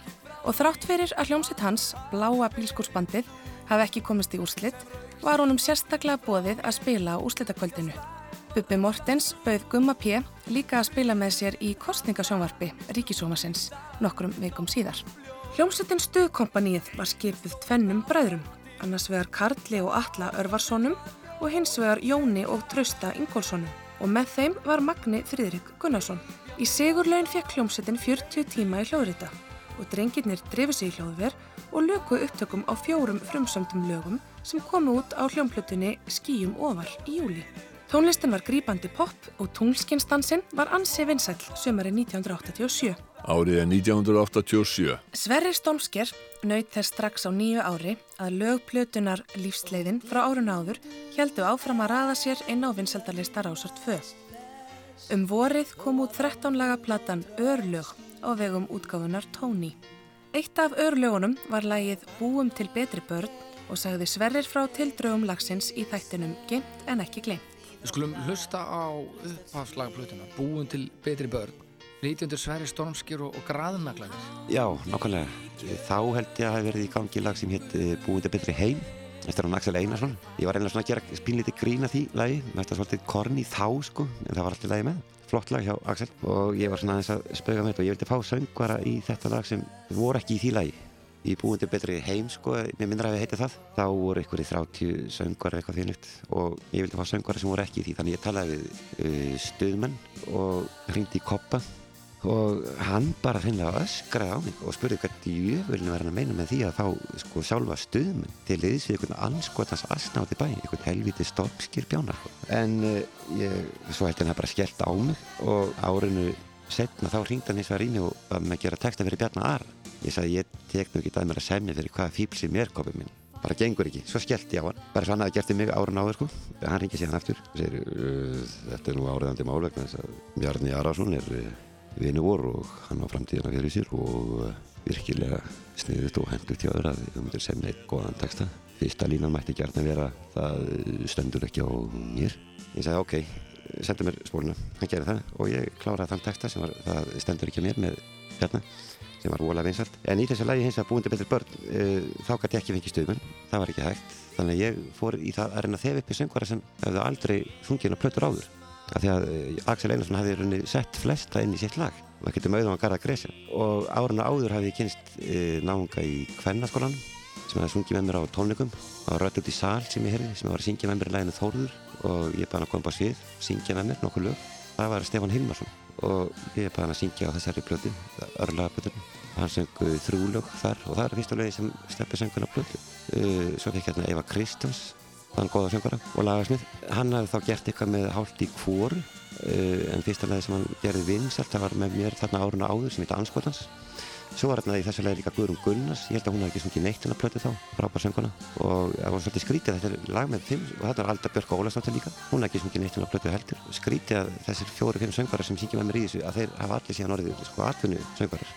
Þetta var þeirra fyrsta verkefni. Mjög magnaðar hlutur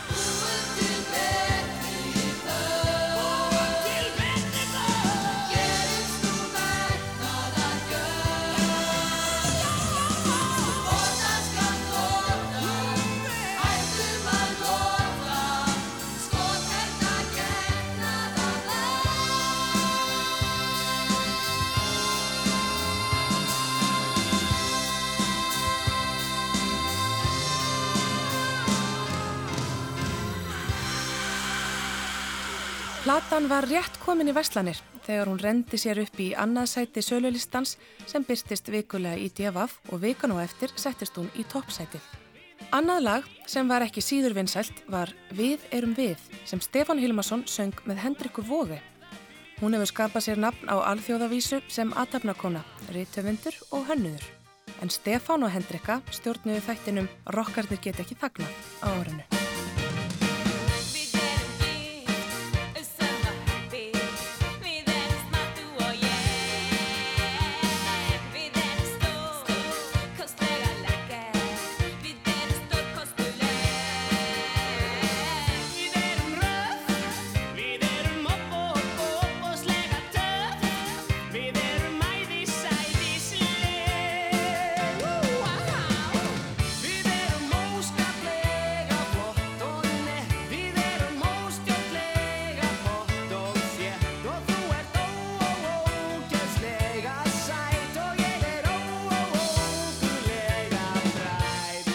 Sverrir Stormsker var á mikillir siglingu árið 1987 og hafði fallið sleppt takinu á plötunni Örlög þegar fréttist að hann var með tvöfalda 26 laga plötu í smíðum sem nefndist Stormskers Guðspjöll. Fyrirtæki Tony ætlaði að gefa plötuna út samkvæmt því sem upplýst var í morgumblæðinu 1. oktober en síðar í sama mánuði var áður ljóst að Sverrir hafði náð samningum við hljómplötu útgáfuna Steina HF um útgáfu Guðspjöllana. Var þetta nokkuð brátt að og kom platan út þegar nokkuð var liðið á desembermánuð. Platan fekk mísjarnadóma en lagið Horðu á björturliðarnar varð vinsælt og var ennitt lagið sem Stefán Hilmarsson söng fyrir Sverri á uppafsárum sínum í popbransanum.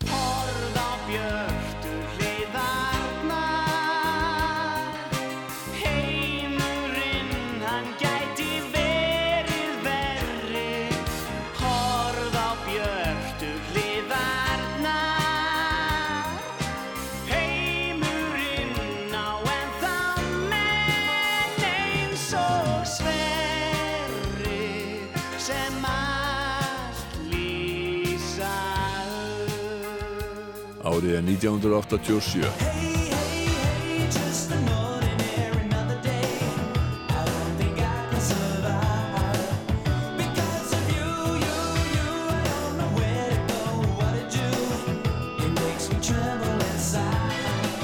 Hljómsveitin Rick Shaw gaf út fjögur að laga plötu árið 1985 og það leið óvenju langur tími þar til þeirra fyrsta stóra plata kom út. Hún var gefin út af Metropolitan útgáfinni í byrjun november og hafði verið tvö ár í vinslu. Miklu var kostað til en það fóru upptökur fram í nokkrum hljóðverum í Lundunum. Þegar fyrsta stóra plata Riksjó kom út, lögðu popfræðingar áherslu á að platan innihjaldi alvöru pop sem væri fyrst og fremst hugsað fyrir erlendan markað, enda allir textar á ensku sem var óvanalegt á þessum tíma. Platan fór beint í þriðasæti sölulistans vikun eftir hún kom út en fjall svo snarlega niður í nýjunda sæti viku síðar og týndist í plötuflóðinu fyrir jónu.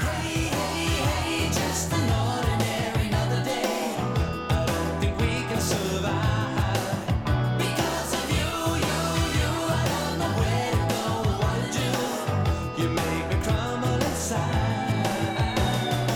Árið er 1987. Jakob Fríman ákvaða að halda úti strax bandinu sem hafði farið til Kína og gefið út plötu í kjölfarið til að reyna að slá í gegn Erlendis. Aðeins tóku fjórir af sjö meðlumum stuðmanna þátt í nýri plötu sem kom út fyrir jólin. Jakob, Ragnhildur og Þórður gítarleikari spiluð og sungu á plötunni en Valger laði til lög. Skífan gaf plötuna út í samvinni við RCA hljómplötu útgáfu fyrirtækið en það var hún gerð fyrir erlendan markað.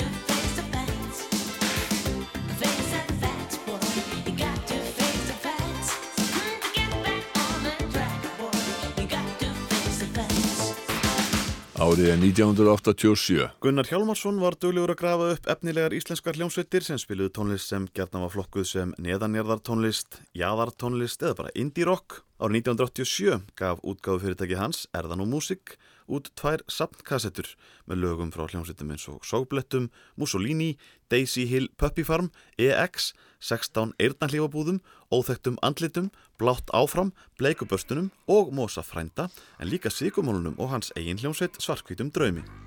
Síðast nefnda hljómsveitin hafði líka áallega að gefa út sína fyrstu breyðskifu fyrir jólin 1987 en platan tafðist í flutningi og tollnaðferð og kom ekki út fyrir í janúar 1988. Svartkvítu draumur náði þó að gefa út sjötómu smáskífu með þremur lögum og þar var aðalagið Helmút á móturhjóli.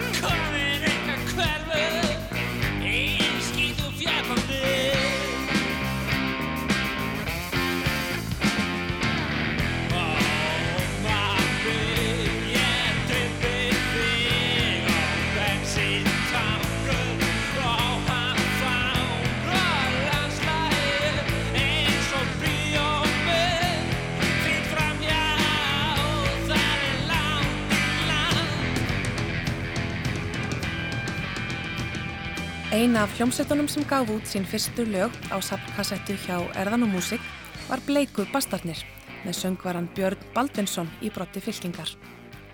Þið nýstopnaða útgáðu fyrirtæki Smekkleisa gaf svo út fyrstu og einu plötu Bastanna sem var fjögur að laga og kom út fyrir jólin 1987.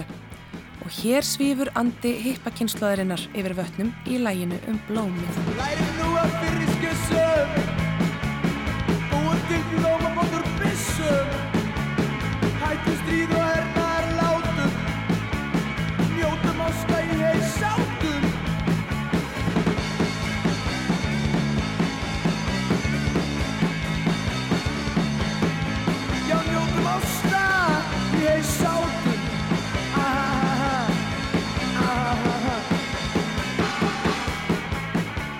Önnur hljómsveit sem sendi frá sig sinni fyrstu plötu undir merkjum smekkleysu árið 1987 tengdist liðsmönnum sigumáluna fjölskylduböndum og hétt Sógblettir. Ari Eldon bassaleikari er bróðir Þórs Eldon og gítaleikarin Arnar Sæfason hálbróður Bjarkar. Sveitinn tók þátt í músiktilunum sama ár. Hún komst ekki í úslitt en vakti mikla lukku í undirheimum íslensku rocksenunar. Ekki síst fyrir lagi 50 gýr, þar sem Sveitinn skaut förstum skotum að ráðamönnum þjóðarinnar og fleirum.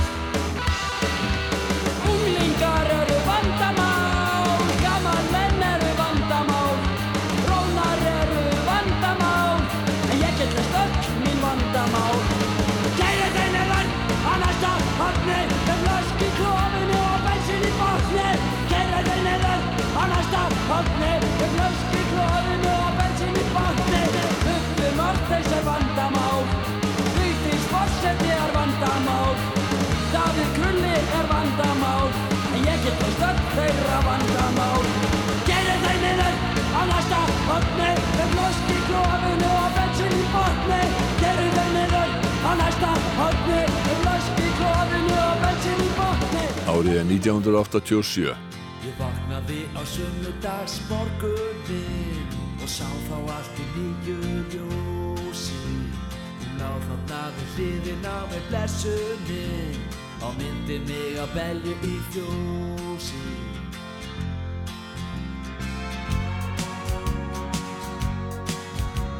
Ég ákvað það með morgunin að kála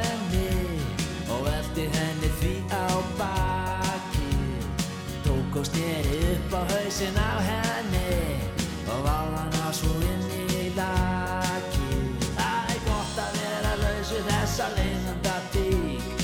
Hvað á ég nú að gera við þetta lík? Ég sett hana í flisti kistu saman við brauð En þegar ég ætlaði að loka Þá hrifð hún sig, hún var vist ekki alveg Greifarnir gerðust ansi hratt og ég kem inn í bandið í rauninni þannig að ég, eh, þegar við vinnum músiktilunir þá þekkti ég þá ekki neitt. Ég hefði alltaf getað kynnt hljómsveitina á balli þegar við vinnum músiktilunir. Þannig að það gerist allt gríðarlega hratt. Þannig að þetta var svo algjör krasskors í sveitaballa og spilamennsku. Þeir voru vel undirbúinir og áttu fullt af músík. Hafðu náttúrulega verið að spila nokkur ára undan sem hljómsveitin Special Treatment. Þannig að á þeim grunni var algjörlega byggt. Það eina sem við gerðum í rauninni var að íslenska textana við þessi lög en við æfðum gríðarlega mikið og við tókum þetta mjög alvarlega og við urðum helviti gott ballaband árið 87 og það var þá sem að greifarnir urður í rauninni til sem almennilega ballhljómsveit. Felix Bergson sagði frá vinsældum greifanna eftir sigurinn í músiktilunum árið áður og liðsmenn sveitarinnar voru stórhuga árið 1987 og sendi frá sér tvær plötur. Um sumarið kom fjagralega platan Sviðsmynd sem greifarnir unnu með Gunnar Þórðar í hljóðrita og með að laga þar var einn af sumarsmellum ársins, Fristikistulagið sem við heyrðum áðan. Hér er hins vegar farið að stað lægir Viskubrunnur af breyðskífunni Dúbli Hot sem kom út undir loka ás 1987. Sagan hófst á sunnudaginn En byggarkeppnin að sigraði skæinn Þá datt ég í það með vísa í hönd Og lagði alveg af stað út í lönd En ég er svo anskoti þunnur En ég er svo anskoti þunnur En ég er svo anskoti þunnur Elsku Unnur. Viskubrunnur Já, elsku Unnur. Viskubrunnur Þyrni Rós og Fristi Kristu Læð koma þarna um sömarið 87 og bæði lög verða þarna hitt. Þá erum við byrjuðar að vinna semst með Tom að Tom og byrjar að vinna að þessari stóru plötu sem hér dubli hot en hún seldist gríðarlega vel og var gríðarlega vinsæl fyrir jólin 87 við skildum ekkert í hvað platan var dýr í framleiðslu og við vissum þá bara hreinlega ekki að því að Tommi var að vinna í eini þarna á nóttunni eftir að við fórum heim. Og, um, og það hafa ímsa sögur gengið um það hva, hverjir voru að spilin á plötuna eh, eftir að við vorum búin að yfirgefa stúdíóið. En þær sögur höfum við aldrei fengið almennilega staðfestar. En ég veit að bara að Dubli Horn hljómar í rauninni ekki alveg eins og greifarnir. Hún er ofpródúsirð og um, mjög gott dæmum algjörlega ofpródúsirða plötu og ef að greifarnir hefði bara fengið að gera sína plötu þá hefði hann verið allt, allt öðruvísi. Og oft á tíðum þá sé ég mjög eftir því að það skul ekki bara hafa fengið að ganga í gegn. Bara greifarnir sem það band sem það var á þeim tíma hefði bara gert þá plötu. Það var bara svolítið þannig að á einhvern sérkennilega máta þá var hljómsveitinni sem hafði þó orðið þetta vinsæl á eigin forsendum var ekki treyst. Og það heyrist mjög greinilega á hljómplötunni Dúbli Hó. Platan var mjög vinsæl og seldist í 8000 eindökum fyrir jólinn en í byrjun ás 1988 ákvað Felix Bergson að segja skilið við bandið. Ég var bara búin að ákveða að ég ætlaði leiklistanám. Ég var líka búin að finna það út að þessi sveitaballabransi væri ekki eitthvað sem að hendaði mér. Mjög viðkvæmur í röddinni og misti hana mjög hratt og öruglega. Þannig að það var ball á förstu degi þá var ég yfirleitt orðin hás mjög á lögadagskvöldi. Ég tala nú ekki um ef að spila var á fymtudegi, förstu sunnudegi þá var ég algjörlega ónýtur þegar ég kom fram á sunnudaginn. Þannig að þetta bara átti mjög ítla við mig. Þannig að það var bara raunni tannilaga sjálfætt en líka ég hafði bara aðrar ambisjónir í lífinu og ætlaði mér inn í leiklistanám og kannski að taka mig aðeins alvarlegar sem listamann á þeim tímapunkti og það var það sem varð úr og uh, við skildum í mjög góðu.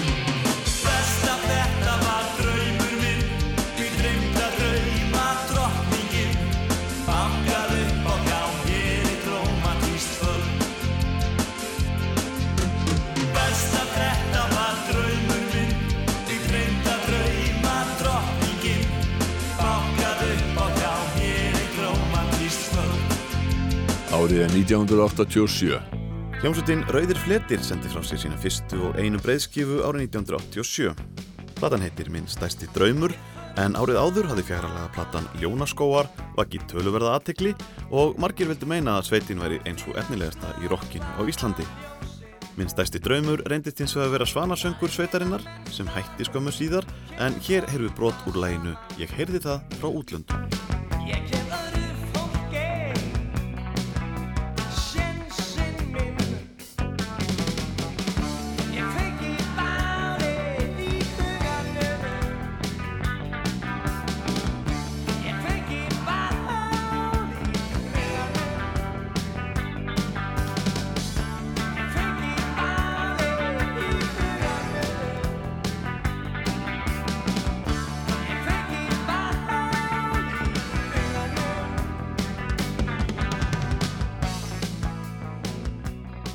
Gítarleikarin og grunnskólakennarin Torfi Ólafsson gaf út sína fyrstu plötu Heimurinn og ég árið 1980 með frumsöndum lögum við ljóð Stein Steinar.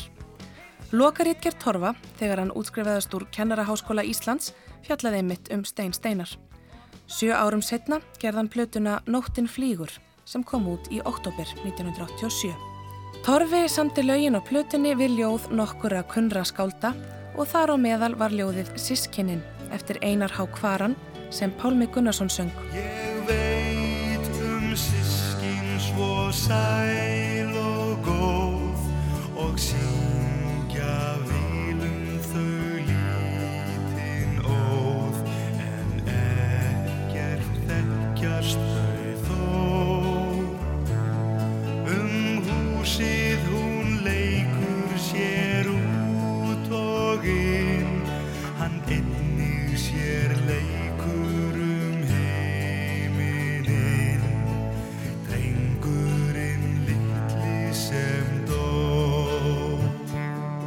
Árið er 1987.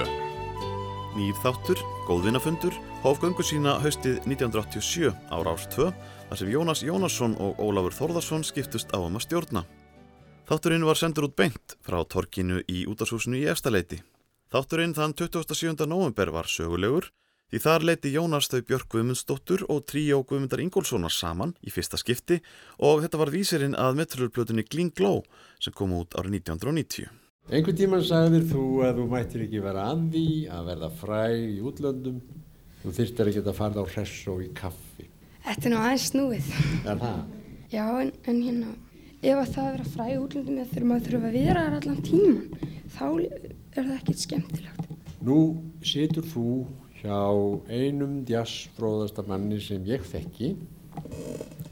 Þú hefur ekki sungið jazz, er það? Nei, aldrei. Langar því? Já, samt svona.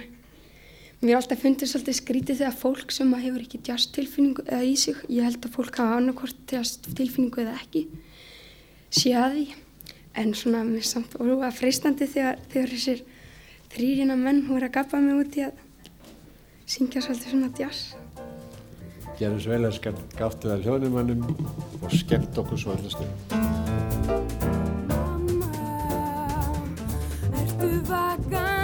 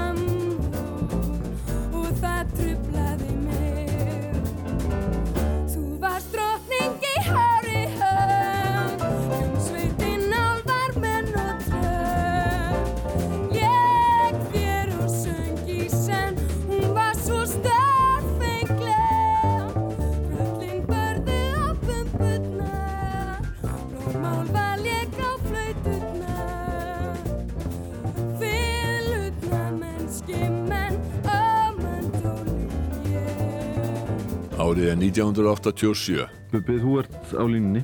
Já. Þá var ég gaman að fá álititt á hvaða fréttir úr popheiminum á erlendum vettfangi árunni finnst þér minni staðis núna á áramótum. Það er velgengni sigumólana og ég held að það séu ánæglustu tíðindin allavega úr erlendum popheimi. Ég eh, bara er móntinn fyrir þeirra hönd. Þetta sýnir það sem að ég er alltaf að staklast á. Ef menn standa á sínu og þá uppskera þeir. Og hérna, og það sem ég finnst kannski ennþá stórkostlega er það að ég þykist nú vita einar örn á mikla vinnu þarna baki og fleiri góði menn. En það að þau hafa ekki verið langtvölum erlendis haldur hafa þau skroppið út öðru kóru en þau hafa verið íðinn við að, að, að smíða það sem þú er að gera og það er að skila sér núna í þessu að sigumólarnir eru sennilega staðista nýjanafnið í erlendum popánálum allavega meilandi Evrópu. Finnst þér eins og þessi velgengni sigumólana að þetta gæti hleyft nýju lífi í íslenska rocktónlist? Haft áhrif á þá sem að aðri standa á markaðanum? Engin spurning, alveg tvímæla lögst og ekki bara með það að sigumólarnir koma til með að mögulega opna dyr fyrir aðra innlenda listamenn og eða, eða gera það verkum að það verður sennilega hlustað meira á íslenska artista en hefur verið gert og það er fyrst og fremst þeim að þakka. Sagði Bubbi Mortens í viðtali við Snorra Má Skúlason og Skúla Helgason á nýjársdag 1988 í þætti þar sem tilkynnt var um niðurstöðu kostningar á meðallustendar ásartfu um bestu plötur ásins. Árið er 1987. Plötusala á Íslandi var alveg ágætt árið 1987 og náðu nokkuð margar plötur gullplötusölu og fá einar hlutu platínum viðkynningu. Ríó Tríó platan á þjóðlegum nótum var einn þeirra og seldist í um 10.000 eintökum. Bjarnar Guðlöksson gerði enn betur með plötunni í fyllt með fullornum sem seldist í tæplega 15.000 eintökum en kongurinn Bubi Mortens tilti sér á toppin í platan Dögun náði 20.000 eintaka sölu sem var fyrirtagssala og það mesta sem hann hefði náð fram að þessu. Og þá er árið 1987 á enda. Ég heiti Sigriður Torlasíus, umsjónumenn þáttarins eru Ásker Eithórsson og Gunnlaugur Jónsson og Jónatan Garðarsson aðstóðaði við handritskerð. Við endum þetta á hljómsettinni Sú Ellen frá Neskjöpstað sem sendi frá sig sína fyrstu plötu árið 1987. Platan var fjagralaga og vakti mikla lukku, sérstaklega lagið um hinn fársjúka Símon sem var með golftösku um hálsin og raug þannig klættur alla leið á topp vinsaldalistar ásar 2 í júlimánuði og satt þar í tvær vikur. En við ákvæðum það þannig að í byrjun árs að við skildum gefa út plötu, koma Símon í fyrsta seti á vinsaldalistar ásar 2, köpa okkur úti og söngkerfi og þetta gerði allt saman þetta ár og fórum létt með það. Já, 16 og 17 ára gamli. Já.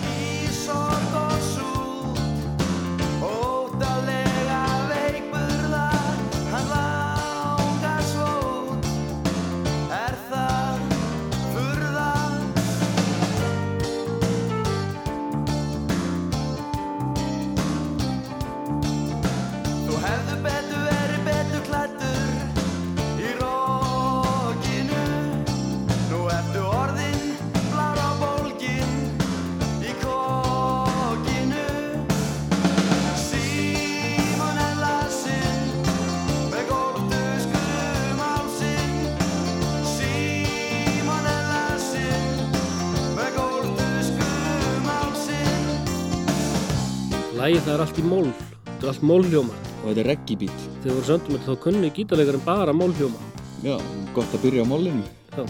En lægi fór semst í fyrsta sæti vinsættilistar ásöndu, 87.